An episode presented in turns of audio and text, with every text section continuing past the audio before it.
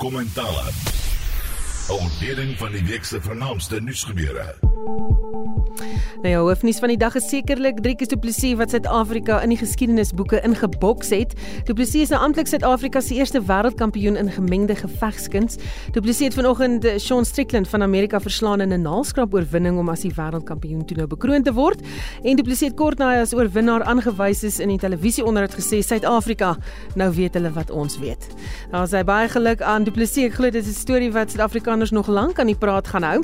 In vanaand se program gaan ons praat oor die departement van minerale en energie sake wat 'n totale die mekaar spel is en glo 'n nes van korrupsie, matriekuitslaa en oor die tekort aan dokters in hospitale. My gaste vanaand in kommentaar is Karin Brits, deeltydse lektor by Akademia. Goeienaand Karin. Goeienaand. Jaco Kleinand, solidariteit se hoof van internasionale betrekkinge. Goeienaand Jaco. Goeienaand Susan. En die rektor van Universiteit Vrystaat professor Francis Petersen. Goeienaand Francis. Goeienaand Susan. My naam is Susan Paxton, my klankregisseur is JD Labuskaghni.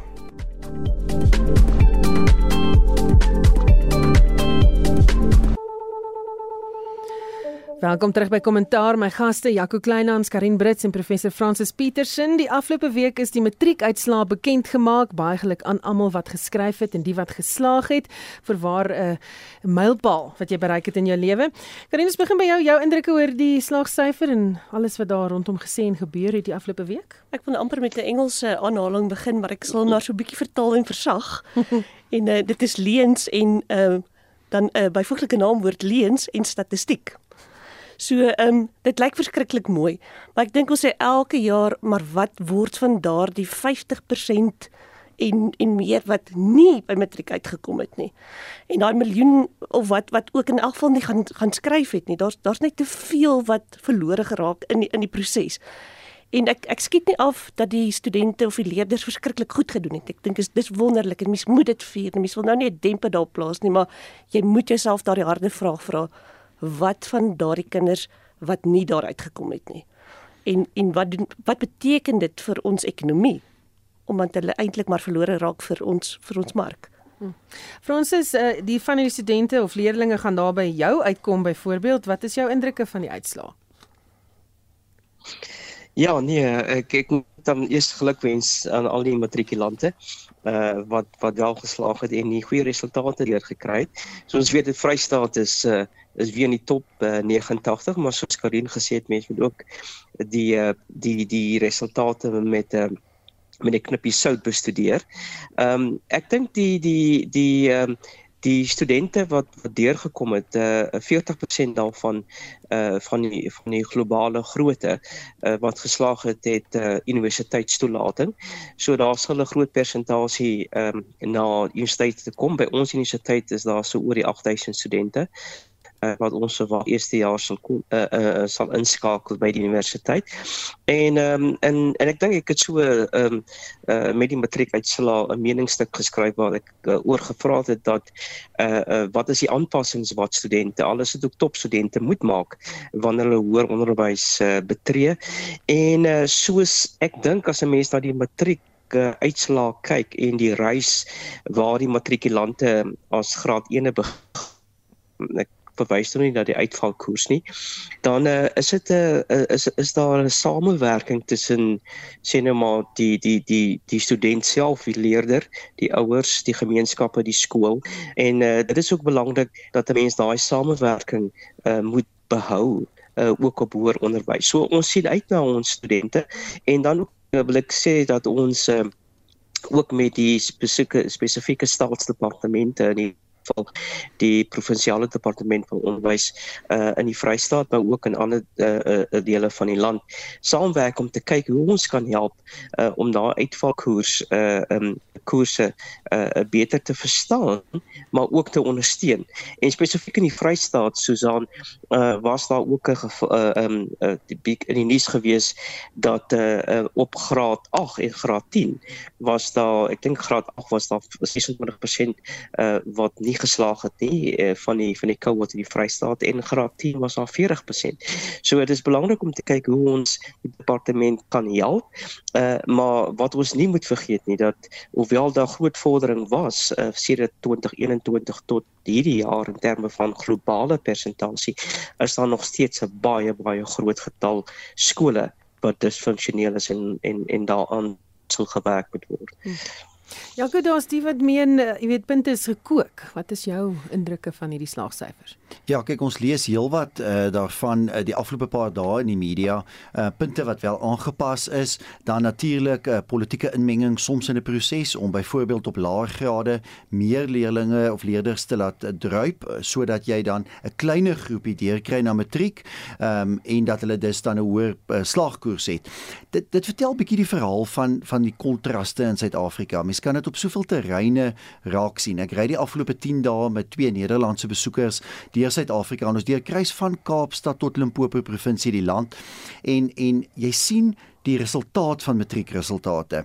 Die enorme kontras dat uh, byna die helfte van uh, mense wat skool gaan in Suid-Afrika is eintlik onindiensneembaar. Hulle maak nie skool klaar nie, hulle leer ook nie die wat nie skool klaar maak nie, nie graad 12 slaag nie, leer ook nie eers langs die pad vaardighede aan sodat hulle ten minste soort van semi-geskoolde vaardighede oorbeskik om dan uh, eers in diens geneem te word nie. Ander mense het weer fantastiese geleenthede. Dis nog 'n land van ongelooflike ongelooflike ryke geleenthede en en natuurlik hierdie dapperheid wat ons sien van mense wat in ongelooflike moeilike omstandighede daardie geleenthede opneem en van dit 'n lewe maak. Die een Sondagkoerant vandag, die Sunday Times, het uh, duidelik besluit om presies daardie hoek te vat. Hulle het nou gaan kyk na twee skole, die een in Klerksdorp, 'n skool vir dowes, uh, wat ten spyte van verskillende omstandighede goed gedoen het, baie hoë slaagsyfer gekry het. Die ander in plattelandse KwaZulu-Natal, waar 'n skool van 12% slaagsyfer gegaan het na meer as 90% omdat die gemeenskap, onderwysers, ouers saam bymekaar gekom het en saamgewerk het. Dan sien ons natuurlik dat baie van ons skole wat oor jare goed gedoen het, steeds goed doen. Ons sien leerders wat ongelooflik goed presteer en vir wie daar 'n fantastiese toekoms in hierdie land voorlê met universiteite waarheen hulle sal gaan. Ons weet daar lê vir hulle 'n blink toekoms voor, maar dan is daar ongelukkig en ons kan dit nie uit die oog verloor nie. Hierdie byna helfte van mense wat elke jaar kinders wat elke jaar na graad 1 gaan en wat ergens in die stelsel verlore raak en eintlik onindiensneembaar is en dit is wat buitelandse besoekers my sê. Hulle sien mense dwaal in Suid-Afrika dwaal in die sin van dit lyk of hierdie mense geen hoop het op 'n toekoms nie en dit is eintlik wat ons dus ook nie uit die oog moet verloor nie. Hmm. Nou groot probleme met plasing van leerdlinge dit is weer die week hoofnuus gewees elke jaar berig ons daaroor dit word elke jaar 'n groot probleem. Hoekom dink jy word dit nie opgelos nie Karin? Sjoe, ehm um, dit is maar ek ek dink ons groot probleem is mens ook nou kyk na al die ander goed waaroor ons gaan praat is strukturele pro probleme. Ek dink dit is net dis maar eintlik ons groot probleem in die hele ehm um, staatssektor dat daar net nie die stelsels is net nie lekker in plek nie. Ehm um, en ek dink mens mens wil nie elke keer daai woord gebruik kaderontplooiing nie want dit voel so 'n bietjie horrig gery. Maar mens wil net graag hê dat mense wat bekwame is aangestel word want op die ou einde wil ons regtig hê daardie leerders soos wat ons nou gesê dis 'n gemeenskapspreek. Ehm um, daardie leerders moet moet kan slaag, moet um, die geleentheid hê om universiteit toe te gaan of om weet naskoolse opleiding te kry. Dit hoef nie noodwendig universiteit te wees nie. Ek dink daar's verskriklike groot behoefte ook aan aan ons ambags uh, opleiding. Maar dat ons net ten minste daardie geleentheid bied en as ons nie daai geleentheid al toemaak eintlik al by graad 1 nie. En en ek dink nie ek dink nie ons amptenare besef daai verantwoordelikheid. Ek dink as daar dalk 'n bietjie daai verantwoordelikheidsbesef ook is dat dis nie net 'n werk, nie net 'n knoppie druk nie. Dis 'n menselewe in my hande. Dis daai daai gemeenskapsbewustheid dan dink ek kan ons al reeds al reeds ek dink ek eh, so 50% van ons probleme uit die weg uitruim. Francis Ek dink uh, Susan, ehm um, vir my is natuurlik die disfunksie tyd van van skole in veral in, in landelike omgewings. So um, as jy 'n stelsel het wat nie volkome 100% werk nie, dan gaan jy uh, dit wat dit, dit die sektor wat wel werk of die komponent wat wel werk in in daai spesifieke sektor gaan jy dit dan oorlaai. En ek dink dit is wat dit is wat gebeur uh, met skoolplasings is dat 'n uh, um, goeie skole word dan gebruik omdat daar disfunksionaliteit is in ander skole en jy het dan 'n verskywing na die goeie skole toe. Wat natuurlik ongelooflike druk op die goeie skole wat plaas weer uh, wat wat standaard eh, ehm um, en en spasie betref want dis nie net uh weet kinders inbring en en en en mobiele klaskamers daar sit nie daar's 'n klomp infrastruktuur nodig en so aan. So dis 'n een gedeelte wat ek dink belangrik is uh, wat 'n mens aan aan fisies moet dink in terme van hierdie uh ehm um, uitdagings wat ons het in hoër onderwys. Die tweede natuurlik is is tot hoe mate ehm um, ons ons moet kyk uh as jy as ons na die goeie resultate kyk op die op die oppervlakte tot hoe mate mense daai momentum kan gebruik om te sê uh um wel kom ons kyk na hierdie aspekte wat nie werk nie. Uh en en en en en, en probeer vennootskappe kry. Uh die staat gaan nie alleen uh, hierdie uitdagings kan hanteer nie. Daar moet baie meer sterker vennootskappe wees en en ek dink natuurlik is is politiek deel daarvan. Uh maar uh, ek dink daar's nou meer 'n groter bewuswording dat 'n uh, 'n uh, uh, sterke vennootskappe is besig om veral ons landelike skole uh op te bring na die vlak waar dit behoort te wees. En nie die skool struktuur nie en infrastruktuur maar die maar die maar die onderwysers en uh wat wat daar klas gee. En die derde aspek aspek en dis miskien hoekom ek meer positief daaroor wil praat. Daar is in provinsies 'n uh, 'n uh, baie kompeterende benadering. Ons wil die beste provinsie wees. En ek ek dink die die aspek hoewel ek nou nie spesifieke bewyse het daaroor nie, waar jy leerders terughou uh, om seker te maak dat die bestes deurgaan en dit wil sê jou slaagsyfer verhoog word. Beteken is baie hoogs kompeterend. En en hoekom gebruik ons daai dinamiek om te sê maar luister, hoogs kompeterend, jy wil seker maak dat dat dat net die beste afgelewer word dat ons daai tendens daai tipe van manier hoe ons daarna kyk ook plaas om te sê maar kom ons maak ons skole beter wat nie werk nie. En kom ons kom ons begin daai kompeterende uh um uitkyk ook te verbreek. En ek is ek is seker meer optimisties en meer positief, uh maar dit gaan nie werk as ons nie baie baie sterk vennootskappe het tussen die verskillende areas om seker te maak dat ons uh, uh, op die einde van die dag 'n uh, 'n onderwysstelsel het wat wat goeie wat goeie uitsette kan lewer uh op verskillende vlakke en en en lewer vir uh die die postskool sektor en nie net universiteite nie. Uh want ons het ons het ons het baie meer vaardighede nodig uh wat wat die universiteitsgradiante moet komplementeer. Jaco?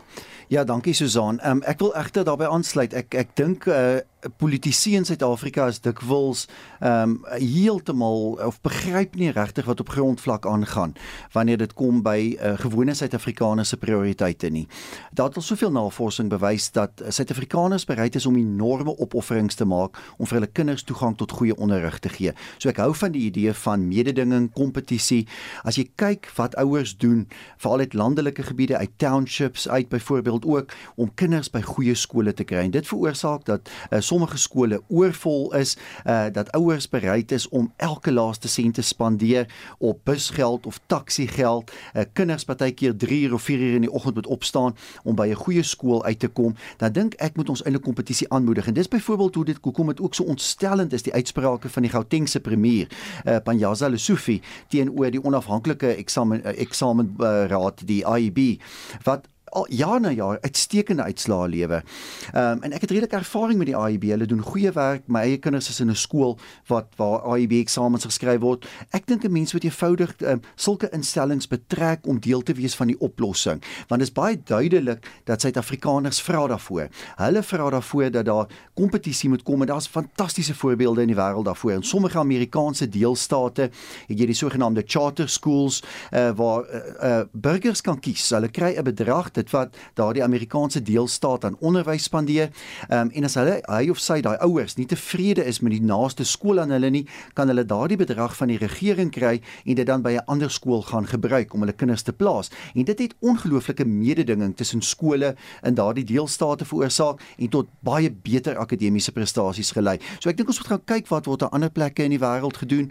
Uh ons moet die politieke angel, die opportunisme uithaal. Ons is in 'n verkiesingsjaar van jaar, maar ons moet nie politiek speel met onder onderwys nie en ons moet gaan kyk wat is die behoeftes van gewone Suid-Afrikaners. En as jy gaan kyk na die navorsing dan sê gewone Suid-Afrikaners toegang tot 'n goeie skool is een van hulle top 3 prioriteite. Uh, die meeste mense wat kinders het in Suid-Afrika en en en dit is die werklikheid waarmee politici sal moet werk. Daar's genoeg geld beskikbaar. Ons het daaroor baie gepraat. Suid-Afrika het 'n reuse onderwysbegroting. Dit moet eenvoudig beter aangewend word. Hm. Goed, 'n ander storie vandag die rapport se voorblad kyk na Gwedi Mantashe se kantoor wat glo in chaos is. Dokumente, onverwerkte mynlisensie aansoeke wat tot in die dak strek, berig Liesel Piper. Personeel wat korrup is en sakgeld eis om hulle werk te doen is wat die mynmaatskappye glo daar aantref. Karin glo met myn huise en verteenwoordigers amptenare op provinsiale vlak help met geldjies, middagetes, petrol en selfs hulle kinders se skoolonderrig. Uh, hierdie ondersoek het aan die lig gekom na skoksyfers oor die mynboubedryf lisensies. Wat maak jy hiervan? So dit voel vir my soos 'n 'n bose kringloop in, in Suid-Afrika. Weet dat ons ons wil tog net iets gedoen kry. So wat doen ons? Ons gee maar so 'n geldjie onder deur die tafel. En ek dink dis eintlik praktyk. Kom ons wees nou maar eerlik met mekaar.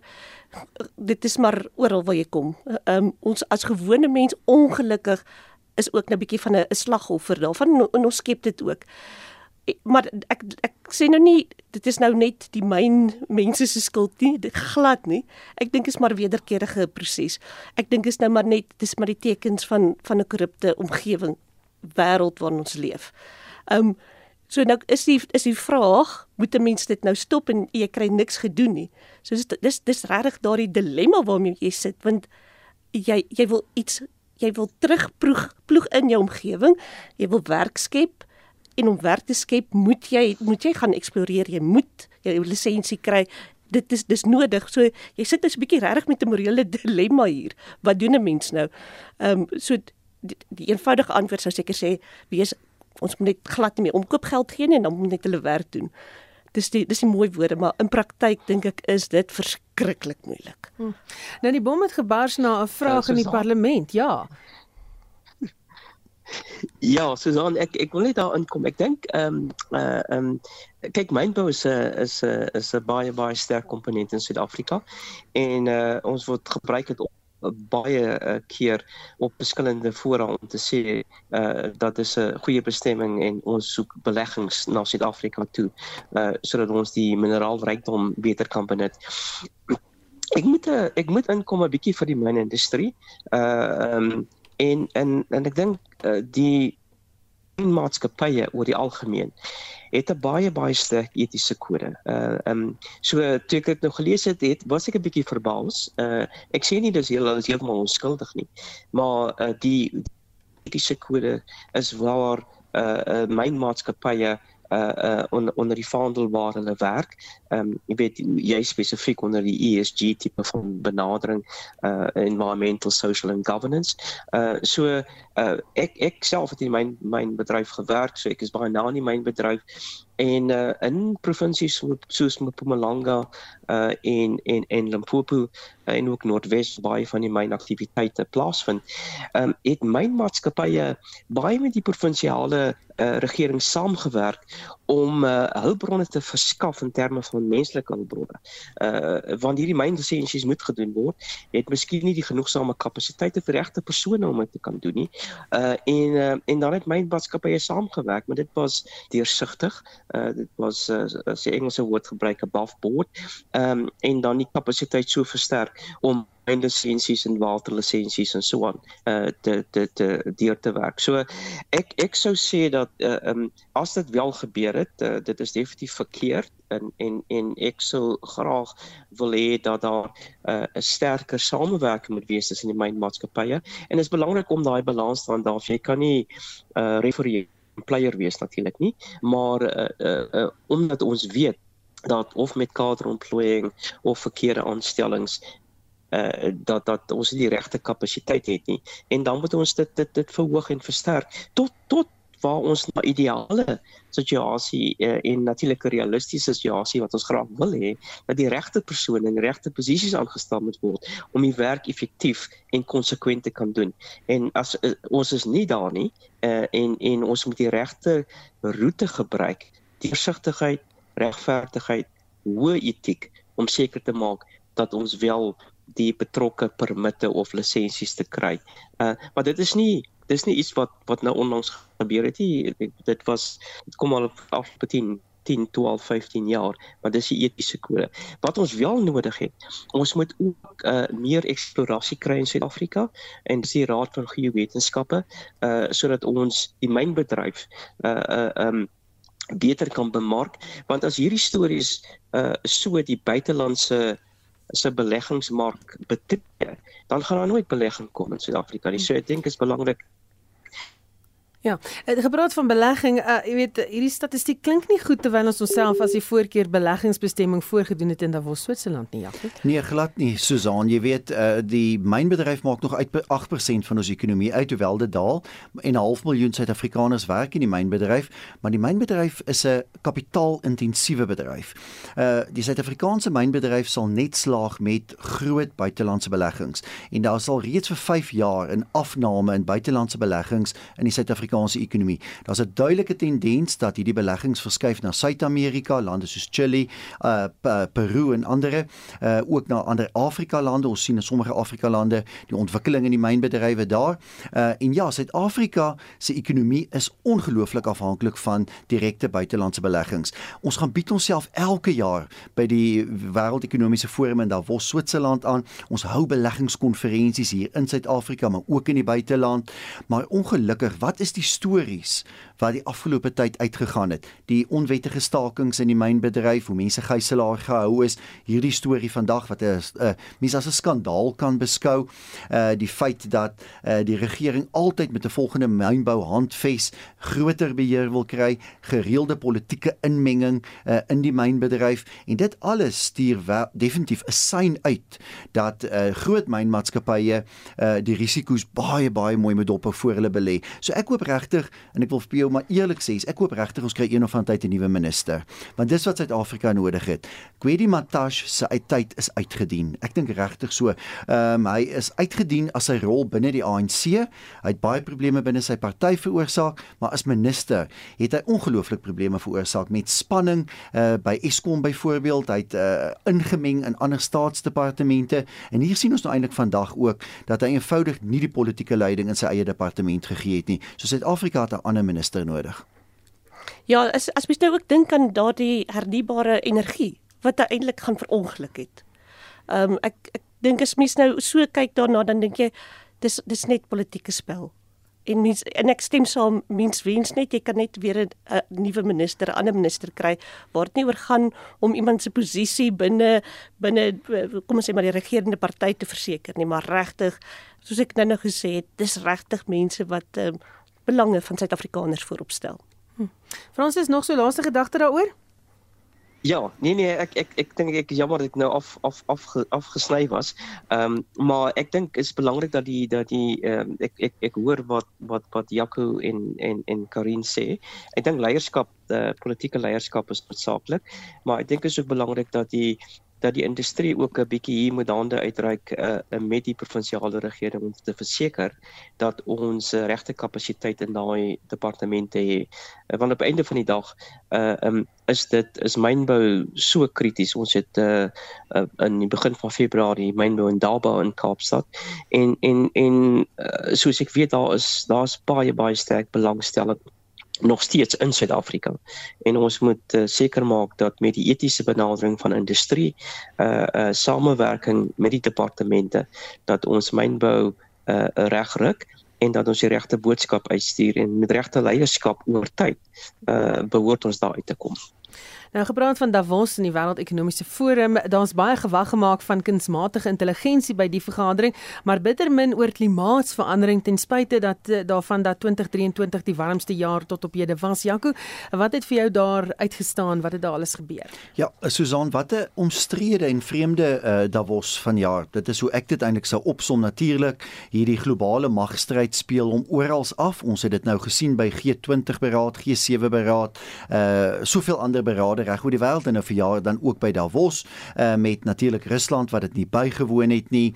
Ehm um, China wat sterk uitsprake maak, uh, verskeie omstrede uh, toesprake en uitsprake die nuwe Argentynse president Javier Milei wat harde uitsprake teen sosialisme gemaak het en die bedreigings van die weste, selfs die Nederlandse koningin wat in die sop is in haar eie land oor uitsprake wat sy daar gemaak het. Wat baie duidelik is, is dat daar nie konsensus is oor klimaatsverandering nie. China bou steeds steenkoolkragstasies teen 'n baie hoë tempo.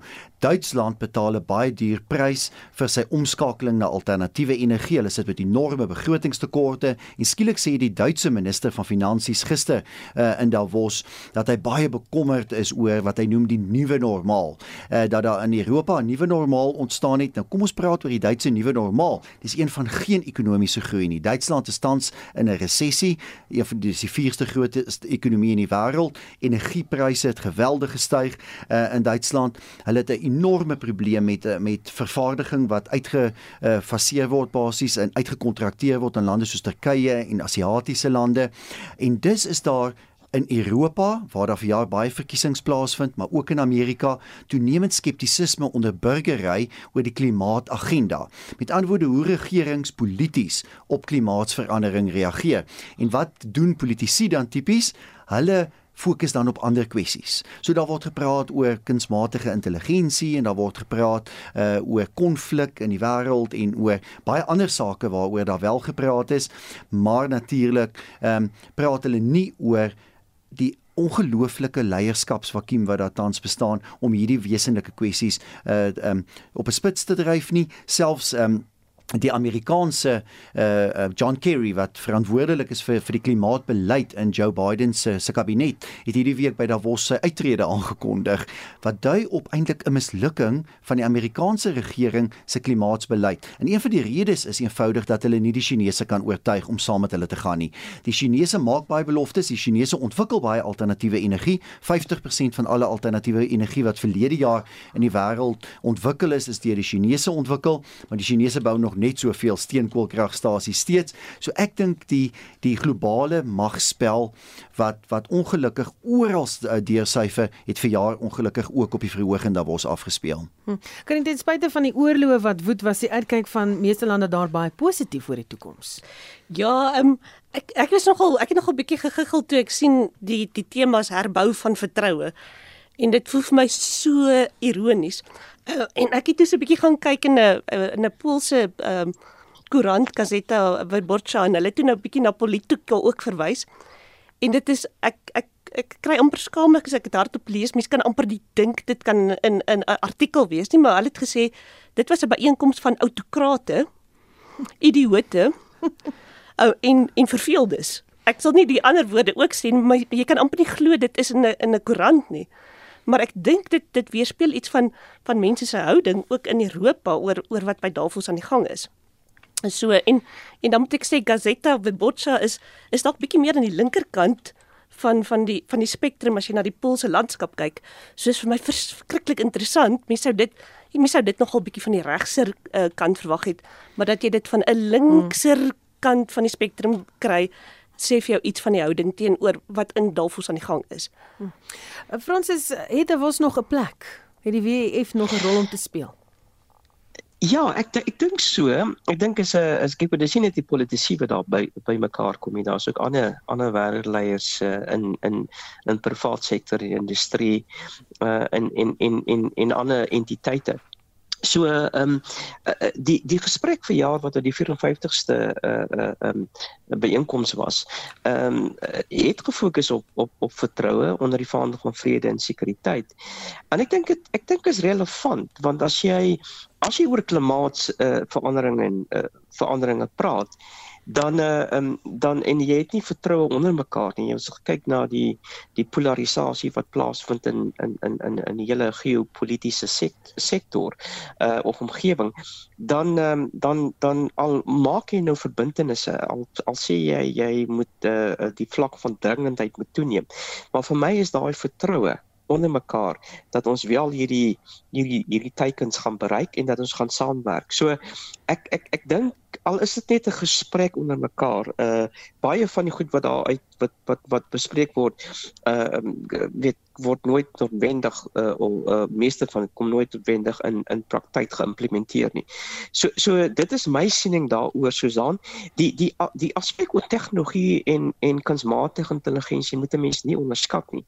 Uh um want uh, tegnologie natuurlik het ongelooflike ongelooflike impak op uh, op alles wat ons doen uh, en uh, kunsmatige intelligensie gaan nou nog steeds uh, ek dink die die vlak van van ontwikkeling kunsmatige intelligensie is eksponensieel uh, uh, in oor die, oor die volgende 3 tot 5 jaar.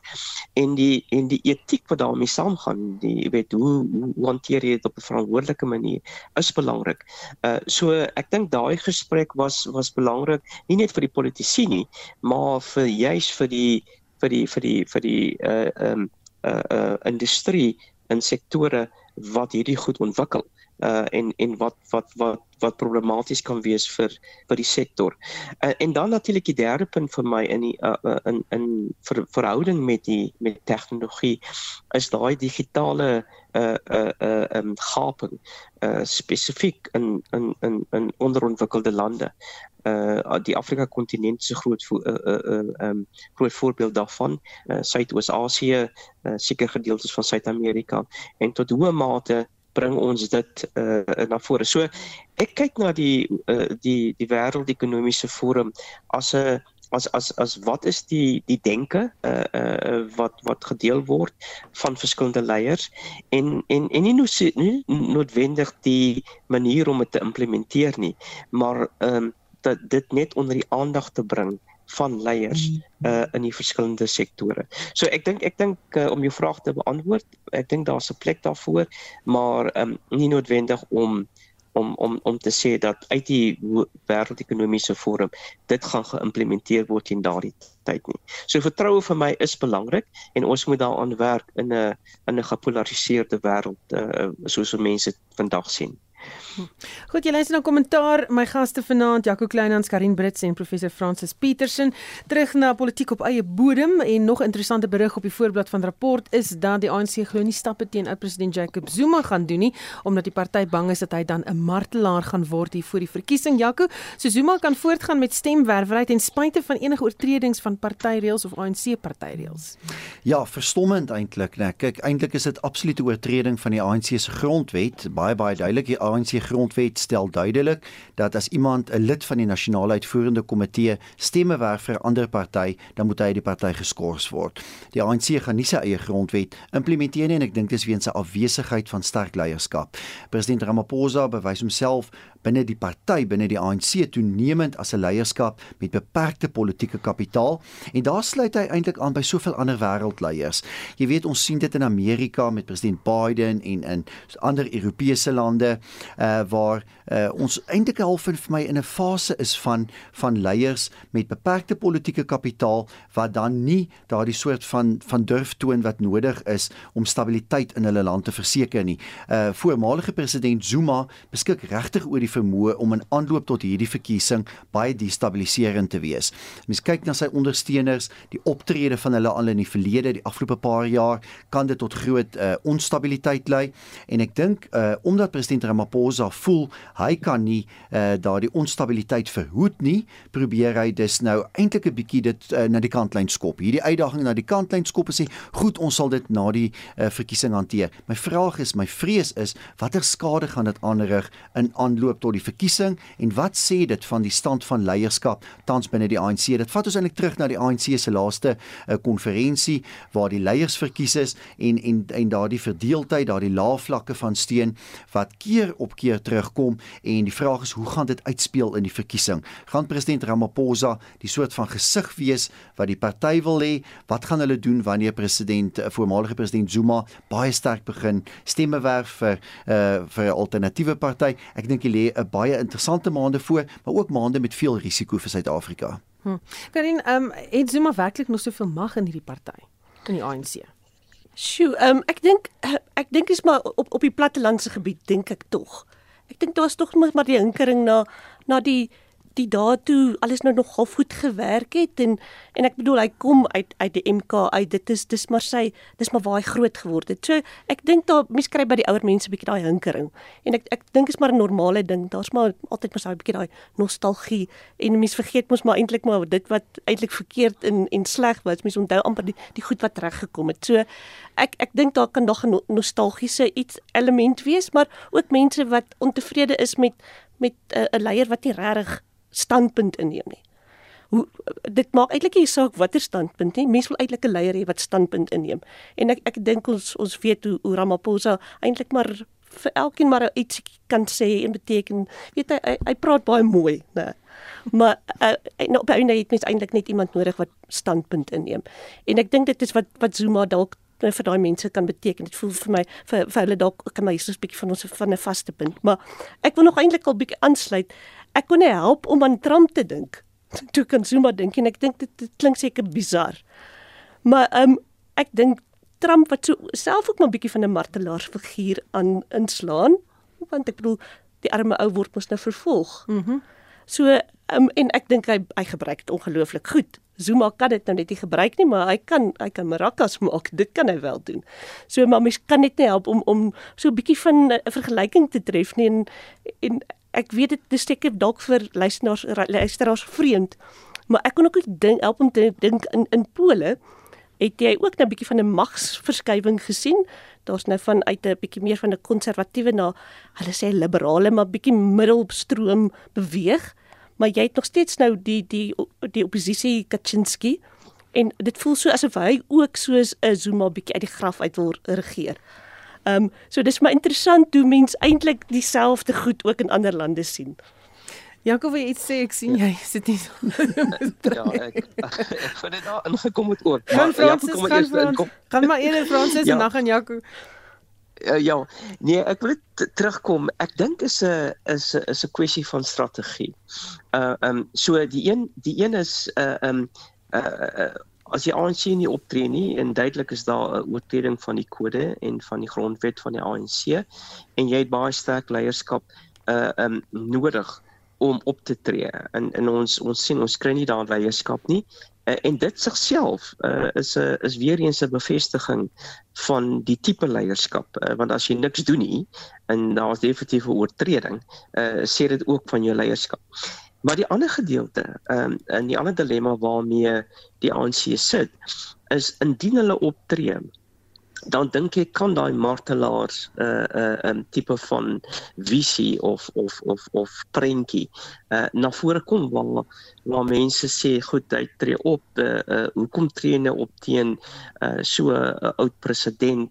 Uh, uh, um, en en en dan raak jy eintlik die die tipe van slagoffer figuur en nog steeds met sy sy sy sy uh um 'n netwerke ondersteuning veral in KwaZulu-Natal kan dit baie van die of van die kiesers in spesifieke naamgewing definitief wegneem van die ANC en dit kan alreeds 'n 'n 'n baie kwesbare ANC uh ANC wat nie weet weet uh, gaan ons gaan ons wel daai sukses kry by die by die stembus nie.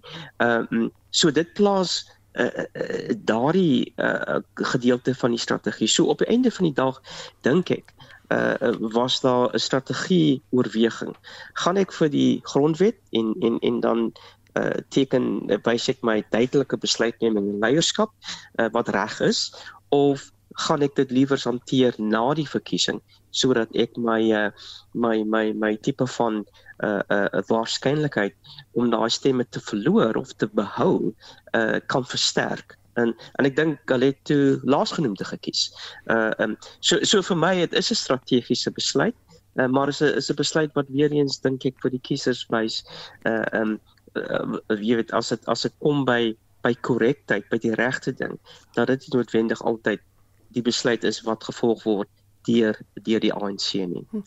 Janko, uh, ons nou hoor Bekkie Cele het ook glo gesê Zuma's klaar, die mense moet hom laat gaan, skerp woorde daar uit partygeleedere uit. En dan uh, as ons nou luister na wat Frans sê, kon die strategie gewees het dat Zuma geweet het hy gaan 'n martelaar wees, hulle gaan hom nie vervolg nie. Ja, absoluut so. Uh, Zuma weet dit presies en Zuma weet wat die risiko vir die ANC in KwaZulu-Natal is. Kyk, jy kan gaan kyk na tussen verkiesings, daar was hierdie afgelope week ook weer tussen verkiesings, byvoorbeeld in landelike Vrystaat, groei die ANC se steun. Uh dit groei in Oos-Kaap, daar was die afgelope paar weke verskeie tussen verkiesings in die Oos-Kaap, Oos-Kaap se platteland groei dit. Die ANC verloor in elke tussenverkiesing in KwaZulu-Natal, veral vanaf die die middellande en die noorde van KwaZulu-Natal verloor hulle 20-30% van steun in die verkiesings. Nou moet ons sê in die senior leierskap van die ANC is daar reeds baie min Zulu leiers oor. Totaal anders as in die tyd van Jacob Zuma, toe daar eintlik 'n Zulu dominansie was. My vraag is hoe speel etnisiteit en etniese spanning binne die ANC hierop in? Hoekom is Bekkie Cele nog nie vervang as minister van polisie nie? Ehm um, eenvoudig omdat die ANC tans nie kan bekostig om te lyk of hulle hulle rug op die Zulu gemeenskap gedraai het nie. Ehm um, hulle verloor reeds baie steun uit die IFP toe en ek dink hulle wil probeer om die die bloeding in KwaZulu-Natal te probeer stop. Uh voor die verkiesing om te probeer om nie KwaZulu-Natal te verloor nie. Peilings wys tans daarop dat daar goeie kans is dat hulle KwaZulu-Natal verloor. Sou hulle nou opgetree het, sou hulle die regte ding gedoen het en teen Zuma opgetree het, sou dit waarskynlik uh die laaste spyker in die doodskus gewees het vir hulle kans om KwaZulu-Natal te wen. Hm. Ons gaan 'n volgende tema toe. Um, is nog 'n storie wat homself elke jaar hierdie tyd herhaal en dis die een in rapport oor die tekort aan dokters. Daar's net een dokter per 1000 pasiënte. Die departement het al verlede jaar gesê daar's nie geld om hierdie dokters aan te stel nie. Hordes sit by die huis sonder werk en dan kry mense nie gesondheidsorg nie. Karin, hoekom word hierdie probleem nie opgelos nie? En ek ek, ek dink ek wil aansluit wat ek vroeër gesê het. Ons stelsels praat nie met mekaar nie. Ons ons stelsels werk gewoon net nie.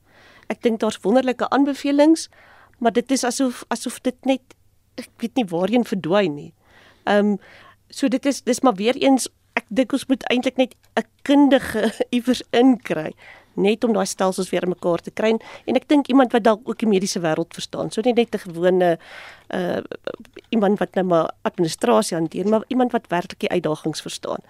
Um, en ek dink ook nie ons baie goeie beplanning nie. Ek bedoel hoe, hoe kan jy soveel ek, en ek ek sê nie dokters moenie ehm um, hulle geld verdien wat hulle verdien nie, maar jy kan nie teen jouself inwerk en te veel betaal en dan is dit nie volhoubaar nie. En ek ek dink dit is ook een van ons ander groot probleme. Ehm um, en en dan is dit is net so hartseer dat ons belastingbetalers se geld gaan soontoe om om dokters op te lei. Waarheen gaan ons dokters? Hulle gaan buiteland toe. Hm. Ek, ja. Fransis gaan hierdie rol speel en hoe kiesers kies die feit dat onder die regering daar nie gesondheidsdienste is.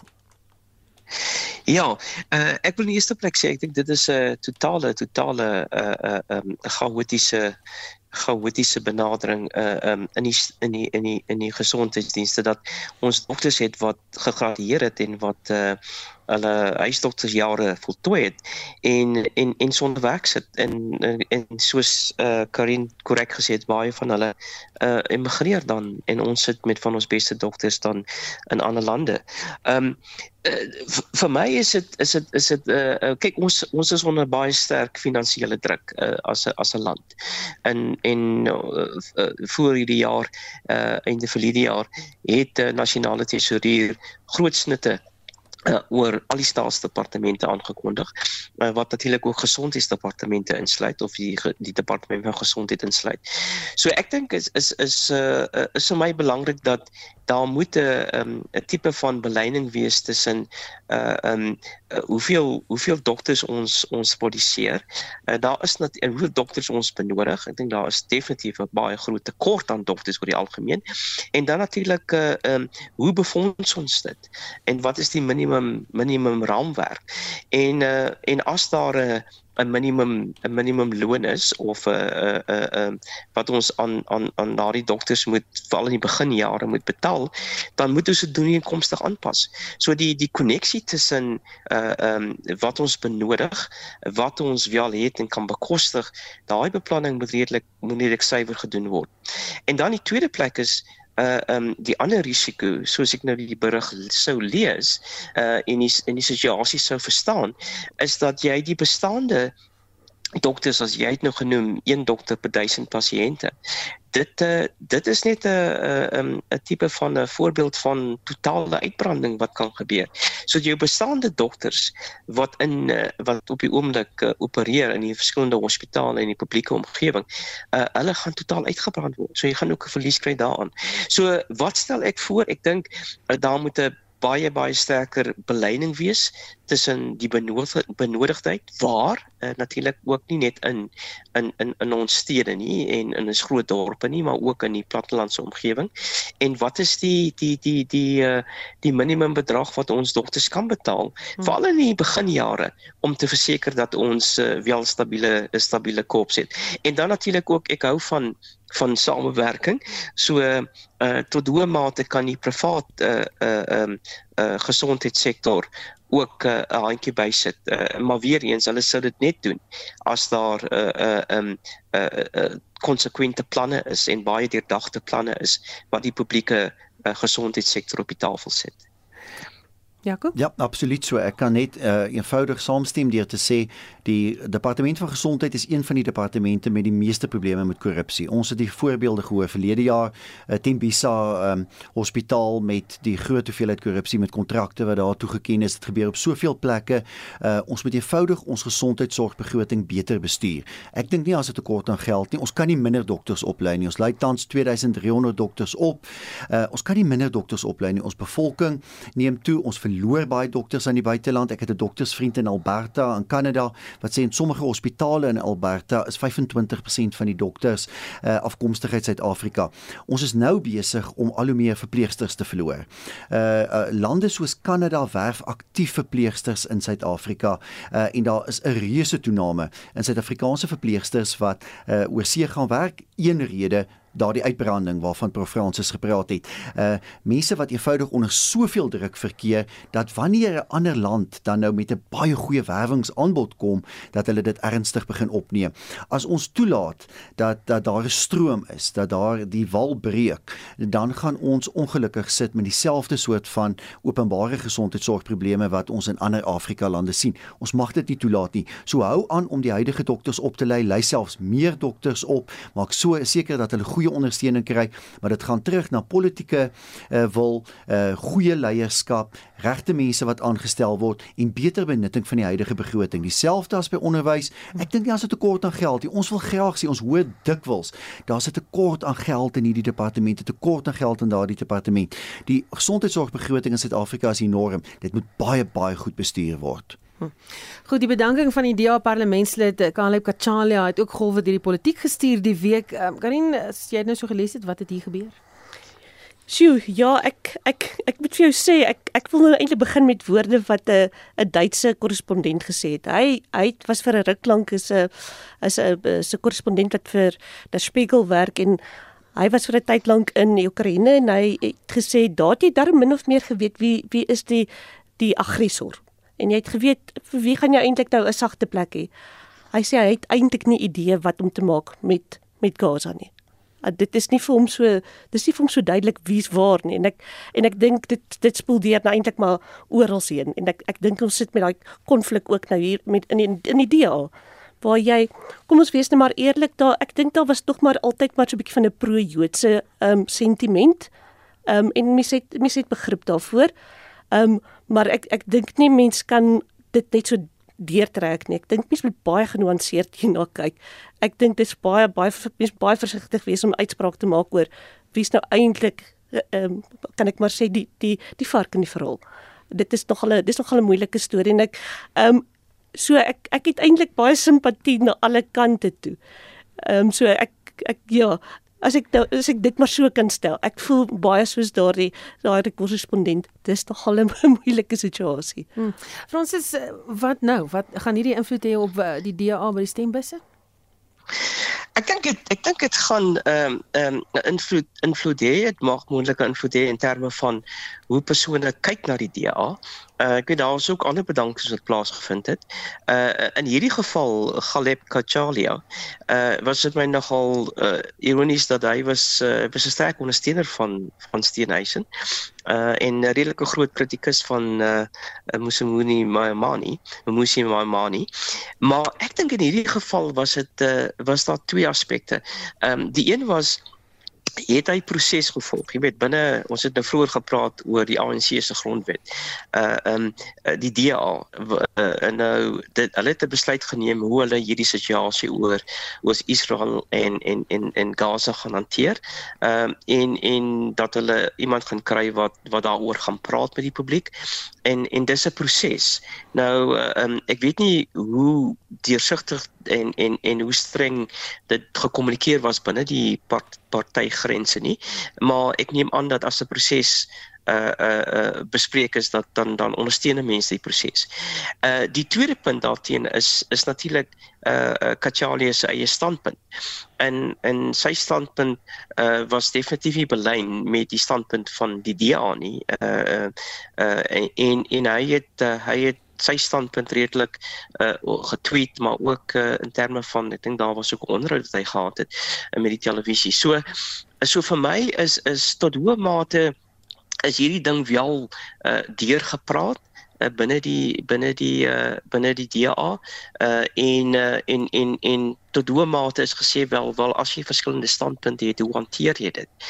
Uh, uh want dit is nie 'n maklike situasie nie. Israel en Hamas en die Palestyn en die, die Palestynë nie bedoel uh uh um, jy moet baie uh, as jy met die ANC vergelyk die ANC het 'n baie eksplisiete uh uh um, um benadering. Hulle weet weet en hulle kommunikeer dit. So dis baie duidelik. Uh om dit wat die DA voorstel uh, te kommunikeer en die persone saam met hom te neem intern uh maak nogal van dit dit 'n uitdaging.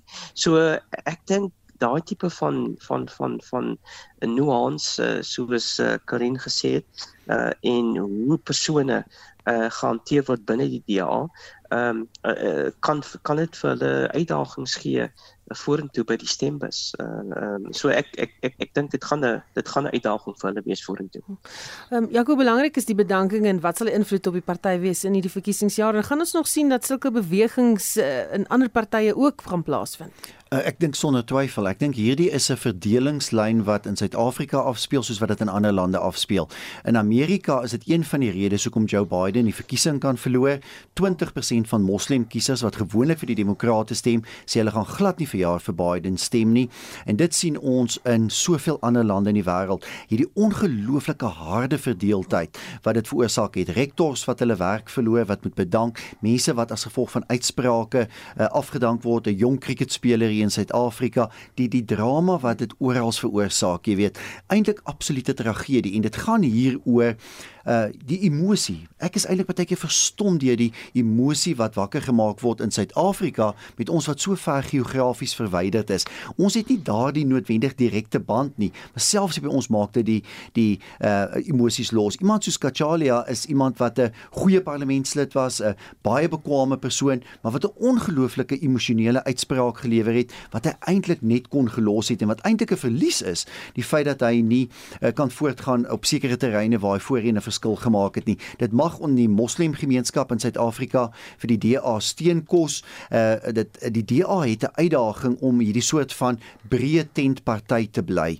'n Party wat homself bewys as 'n goeie regerder uh, in Kaapstad en in baie munisipaliteite. Dit kan ons gemaklik sê, maar hulle groot uitdaging is uh om as leiers van die DA uh hierdie breë tent uh, strategie oor en oor te bewys en, en op daardie terrein is hierdie natuurlike groot terugslag vir hulle. Die hele idee van 'n twee-staat oplossing uh, is iets wat oor dekades eintlik heeltemal sin gemaak het. Daar was eintlik globale konsensus daaroor. En dit was die DA se standpunt. Die DA het gesê ons staan vir 'n twee-staat oplossing. Deesdae is internasionaal die twee-staat oplossing nie eers meer aanvaarbaar nie. Ons het so ver in pole beweeg rondom die hele konflik tussen Israel en die Palestynë dat daar selfs nie eers meer konsensus is oor 'n twee-staat oplossing nie. Terwyl aan die woord is Pakistan en Iran het ooreengekom om die aanvalle teen mekaar nou te verminder, dit na militêre optrede op die grens van die twee lande op want beide lande noem militante groepe dat die Israel en Gaza oorlog het bygedra tot verdere spanning in hierdie streek. Wat het daar gebeur? Ja, verstommend Susan, die die omvang van konflik en die mate waartoe dit e-, geeskaleer het die afgelope paar dae. Kyk, uh, uh, wat Iran het, Iran het hierdie proksies, hierdie uh, militêre militante groepe wat hulle uh, steun met opleiding en met wapens in uh, Gaza, die Wes-oewer, Libanon, Sirië, Irak. Uh, en dit is iets wat oor jare aankom. Wat ons moet onthou, Iran is nie 'n Arabiese land nie, dis 'n Sjiïte moslemland uh, en hy staan ook in sterk spanning met jou Soenite moslemlande, lande soos Pakistan, uh, Turkye en ander. En nou speel hier 'n veelvlakkige spanning hier uit. 'n Land soos Pakistan staan heel naby aan Amerika, vreemd genoeg, militêr doen hulle wel. Uh, en Iran probeer al hoe meer selfgeldend wees. Hy probeer die swakpunte van Amerika toets. Hy toets dit met aanvalle in Sirië, Toe het hy dit nou getoets met 'n aanval in die noorde van Irak en die in Koerdistan, uh enkele kilometers, 3 km van af die Amerikaanse konsulaat en toe eskaleer dit. Toe sien ons heen en weer aanvalle. Dit begin in die Rooi See afspeel met Jemen, die Houthis wat ook deur Iran ondersteun word en nou raak almal anders kwaad. Saudi-Arabië is kwaad vir Iran, Pakistan is kwaad vir Iran. Die volgende oomblik begin almal op mekaar uh, uh afvuur. En nou ja, dis goed dat ons 'n skietstilstand hier het, maar ek wil nog vir jou sê Susan, dis 'n storie wat ons in 2024 moet dophou. Die risiko vir 'n baie groot eh, streeksoorlog in die Midde-Ooste is een van die grootste globale risiko's dink ek vir die volgende paar maande. Hm. Karin, hoekom verdeel hierdie storie die wêreld so dink jy? Sjoe, ehm um, ja, ek ek ek dink ons ons kyk baie keer so 'n bietjie oppervlakkig na die na die ehm um, na die ooste en en en veral daai nabye ooste. Ehm um, en ons ons vergeet eintlik van daai soos wat jy gepraat het, daai verskillende vlakke wat daar is. En ek dink ehm um, ek ek ek dink daar was nog altyd half die gedagte ag weet die FSA gaan hulle uitsorteer. en ek dink die FSA en die en en die russe het ook al baie sleg op hulle neus gekyk. Ek dink hulle mense kyk net eenvoudig te vlak daarna en dan ewe skielik dan dan dan spring daai goed so uit. Ehm um, so ehm um, en as mens nou gaan luister na wat ehm um, die buitelandse minister van Iran gesê het by Davos dan kry ek bietjie bietjie hoendervleis. Ek eh, ek, ek dink hy was baie baie ooplik daar openlik daaroor dat hulle is bereid om met die FSA te gesels, maar die FSA gaan nie vir hulle voorskryf nie. En ek ek dink ons begin nou daardie verdeling sien. Dit is die FSA wat 'n bietjie sy hou vas begin verloor. Ehm um, so ek ek dink dit is dalk maar een van die goed. Maar ek ek dink ek stem saam ons moet maar om dophou die die Duitsers verwys nogal na hierdie situasie se kruitvat. So ek ek dink ons moet maar kyk wat gebeur. Ja. Fransis laaste woorde hieroor is joune? Ja, ja. Nee nee, ek ek ek stem ook saam. Ek dink dit is belangrik. Eh, ek dink die agtergrond Israel en in in in die Palestynse uh interaksie uh is daar nou uh, baie meer wêreldoë op die Midde-Ooste uh, en dit sluit nou die lande wat wat vroeër genoem was in die bespreking. En uh, en wat dit ook bietjie sterker maak is die pro-Palestynse um, Houthi aanvalle in Jemen en die in die aanvalle in die Rooi See.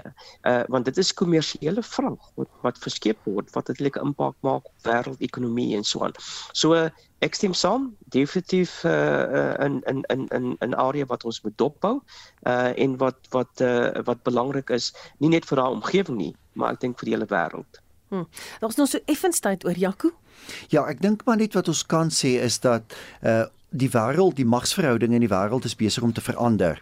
Uh dit is 'n feit. Ons weet almal daar's 'n 'n geleentheid in 'n magstryd en as jy veral op verskillende plekke in die wêreld konflik het, dan gaan sekere mense swakpunte van ander lande toets. Iran is hierso besig om Amerikaanse invloed in die Midde-Ooste te toets. Hulle kyk hoe ver kan hulle die Amerikaners druk. Hoe ver kan hulle kyk wat gebeur?